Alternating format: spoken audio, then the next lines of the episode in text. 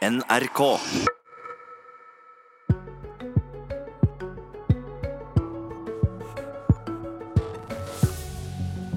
Senterpartiet flyr høyt på målingene, men har miljøprofilen drukna på veien. Det er varsla klimaopprør på landsmøtet. Og det er skandalejournalistikken som har fått en ny vår med metoo. Ikke kvinnene, mener Klassekampen-redaktør. Et slag i andletet på de mange som har hatt mot til å sie ifra, svarer Dagsavisen-kommentator.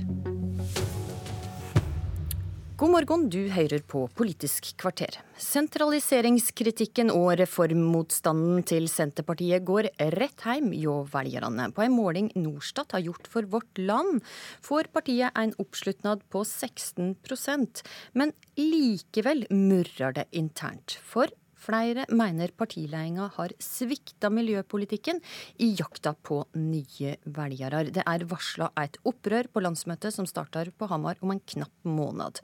Vil Jaren Heitmann, leder i fylkestingsgruppa i Buskerud Senterparti og ordførerkandidat i Rollag, hva mener du er i ferd med å skje med grønnfarga til Senterpartiet?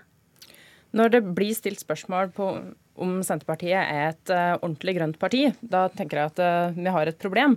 Uh, vi vet at klimaendringene er den viktigste saken i vår tid. vi vet at vi har langt dårligere tid enn vi har trodd.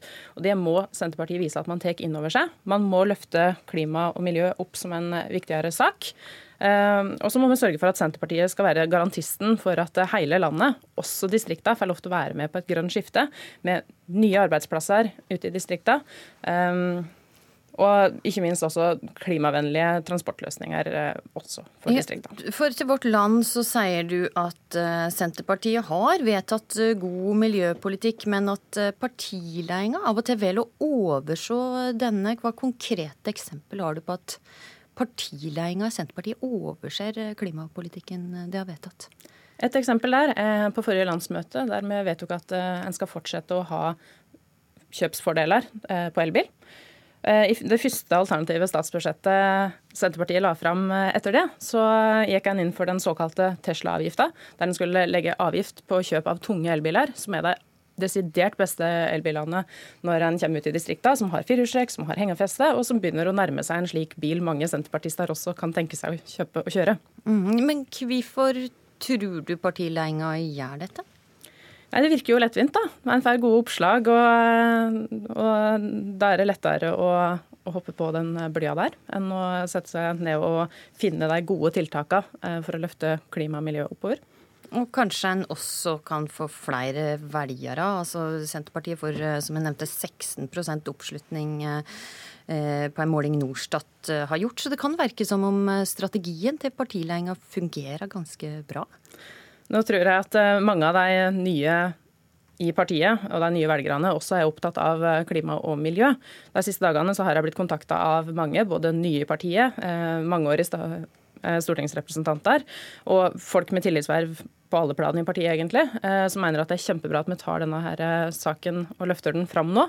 Det er behov for, for at han gjør det, og det trenger ikke å være en motsetning mellom å løfte fram distrikta, f.eks. Eh, reformvilje og det å drive med god klimapolitikk. Geir Pollestad, næringspolitisk talsperson i eh, Senterpartiet. Du hører hva Heitmann sier her, men eh, også viktige stortingsrepresentanter som Kjersti Toppe og Liv Signe Navarsete er uroa for miljøprofilen i partiet. Har de grunn til det? Jeg ser fram til vi skal ha god eh, debatt om dette på vårt landsmøte. Eh, så er det jo sånn at eh, veldig mye av den politikken som eh, regjeringa fører, er sentraliserende.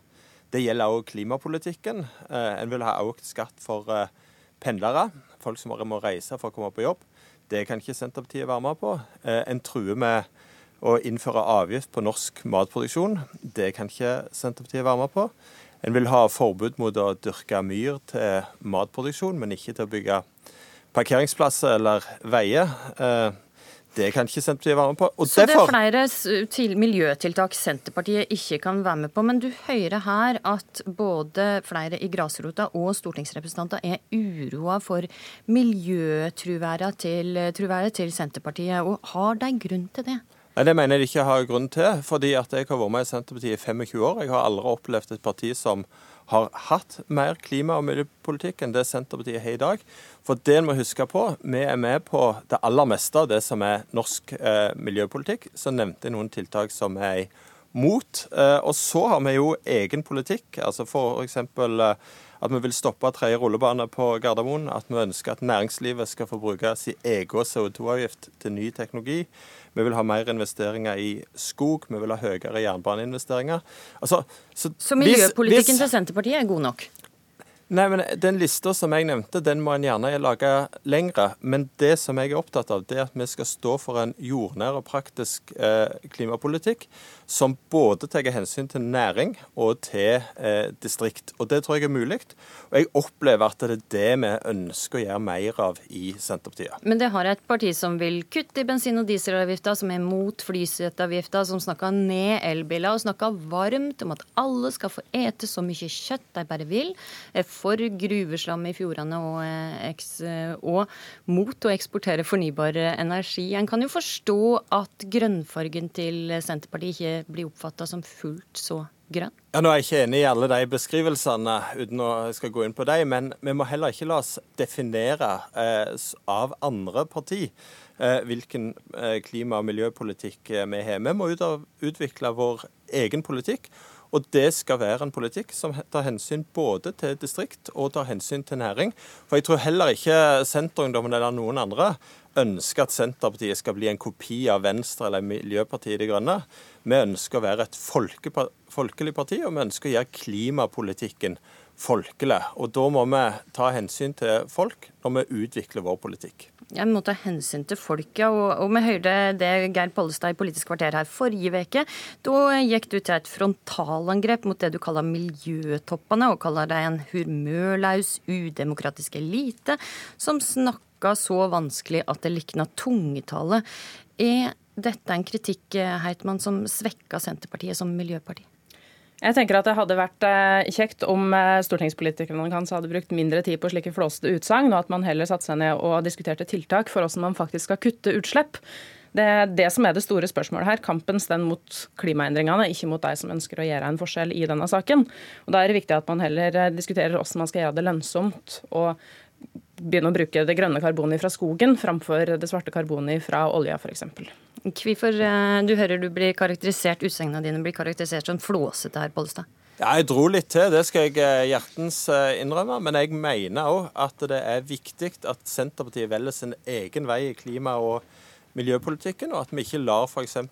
lederne i Venstre og Miljøpartiet definere hva som er god eller dårlig klimapolitikk. Og da tror jeg at det er ganske brei enighet i Senterpartiet om at vi må satse mer på skogspolitikken. Vi må satse på å utvikle bioenergi i Norge, en, eller en hel næring eh, okay. knytta til bio osv. Og, og det er disse tingene jeg tror og håper vi skal diskutere på vårt eh, landsmøte, og det ser jeg hjertelig fram til. Da må vi finne de tiltakene som faktisk kutter utslipp. Det er det aller aller viktigste vi kan diskutere på landsmøtet. Og eh, Om partiledelsen faktisk får korreks på dette landsmøtet, det får vi se. Det starta på Hamar den 22. mars. Takk for at det var med i Politisk kvarter, Geir Pollestad og Vil Jaren Heitmann. Abonner på Politisk kvarter som podkast, og få sendingen rett til din mobil. Klassekampen kommer med et slag i andletet til de mange kvinnene som har varsla mot urett, mener politisk kommentator i Dagsavisen Hege Ulstein. Bakgrunnen er en leierkommentar du skrev, eh, ansvarlig redaktør i Klassekampen Mari Skurdal. Der skrev du det er skandalejournalistikken som har fått en ny vår med metoo, ikke kvinnene. Forklar hva er bakgrunnen for at du skrev dette? Det er jo en bastant formulering når du løsriver den helt fra konteksten. Men eh, poenget er jo at metoo har vært utrolig viktig for å rette søkelys mot seksuell trakassering. Og fortellingene fra enkelte bransjer gjør jo at vi ikke lenger spør oss nå hvorfor det ikke er liksom kvinner på topp, men hvorfor det i det hele tatt er kvinner i noen bransjer. Og, eh, men så mener jeg at metoo også har vært revet i et parløp mellom media og kvinneaktivister, og det skaper eh, noen paradokser. Eh, når metoo i så stor grad har vært drevet fram av anonyme fortellinger. Ok, men, men Forklar hva du mener med at skandalejournalistikken har fått en ny vår. Eh, ja, altså, Poenget er at du, eh, når du har anonyme fortellinger, eh, så er det er jo på en måte altså Det har vært mye snakk om tillit i Giske-saken. Men den, den, tilliten er jo også mediene helt avhengig av. Og måten vi skaper tillit, er fordi lesere, lyttere og seere kan stole på at det vi sier er sant, at det vi sier er faktasjekket. Eh, nå har jo kjernen i, i metoo i stor grad vært disse oppropene med fortellinger, eh, eh med, med eh, beretninger fra liksom bransje til bransje, opprop, eh, som vi egentlig ikke kan ettergå på den samme måten du vanligvis ville gjort. Så jeg tror mediene har, har på en måte gjort et lite unntak i en del av metoo-sakene for å få fram ting som man kanskje tror ikke ville kommet fram på noen annen måte. Eh, og Det kan jo være vanskelig å sjekke historier uten en kjent avsender. Og jeg mener jo at Å påpeke dette det er ikke det samme som å si at fortellingene ikke stemmer. Eh, men, eh, og jeg mener også at Klassekampen har hele tiden altså Vi har hatt en kjempebrei metoo-dekning. Vi har hatt beretninger fra ulike bransjer. Vi har fulgt det politiske miljøene. Men Likevel, vi har også helt du at skandalejournalistikken uh, har vært, på en måte tjent mer på dette enn det er mange kvinnene. Men vi har også bare for å si det, vi har også helt fra starten drev, hatt et liksom konsekvent blikk mot medienes rolle. Og poenget her, jeg syns egentlig Giske-saken er et ganske godt eksempel. Fordi at eh, der, eh, det er der denne her enorme eh, engasjementet fra aktivister, fra mange innenfor partiet, men også fra mediene, har vært rundt å få fram disse historiene. Men historiene er jo ikke ordentlig framme alle sammen. Det er to varslere som har stått fram og fortalt sin historie, og ære være dem for det. Men eh, de andre historiene er kjent for en liten gruppe eh, i partiledelsen og, og i, eh, blant noen toneangivende medier. Og ellers er jo innholdet ikke framme. Likevel har dette vært den største mediesaken i Norge det siste året. Mm. Hege Ulstein, politisk kommentator i Dagsavisen. Hva konsekvenser har det at Klassekampen kommer med slike type formuleringer som vi Høyre her?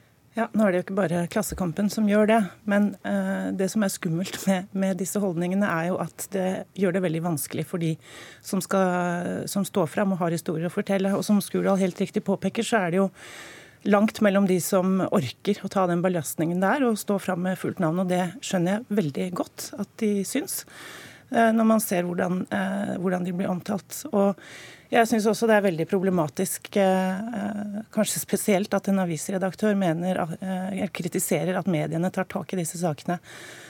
Det har vært masse, mange, mange forskjellige typer dekninger. Gjort. Eh, Men vi har kritisert måten nå, nå snakker, det skjer på. La Ulstein få snakke ferdig. Det har vært mange forskjellige typer oppslag i metoo. Altså, det er jo disse sånn stille før opptak, altså disse oppropene hvor hvor det, det, gjorde i hvert fall et voldsomt inntrykk på meg å lese, lese hva, hva, folk har opplevd og blitt utsatt for på, på, jobb og i andre sammenhenger. Og så har vi disse politiske sakene. Eh, Trond Giske, Ulf Leirstein, Christian Tonning Riise er jo de tre mest fremtredende. Og eh, bare til altså, når det gjelder disse åtte varslene mot, eh, mot Giske, som Arbeiderpartiet har behandlet og konkludert med at var brudd på retningslinjene for seksuell trakassering, så er jo de godt kjent. De er jo publisert, og de eh, foreligger også i boksform i 'Alle skal med' av Marie Melgaard og Lars Joakim Skarvøy. Så dem, dem, kan man jo eh, lese selv hvis man er interessert i det. Og jeg, Men du ja. mener rett og slett at når, når, Klassekampen skriver dette, så er det et slag i ansiktet på deg som har varsla? Ja, altså jeg syns, jeg, jeg syns det er en jeg, jeg syns det må være ganske pinlig for Klassekampen at de faktisk mener på lederplass at metoo var en ny vår først og fremst for skandalejournalistikken og ikke kvinnene.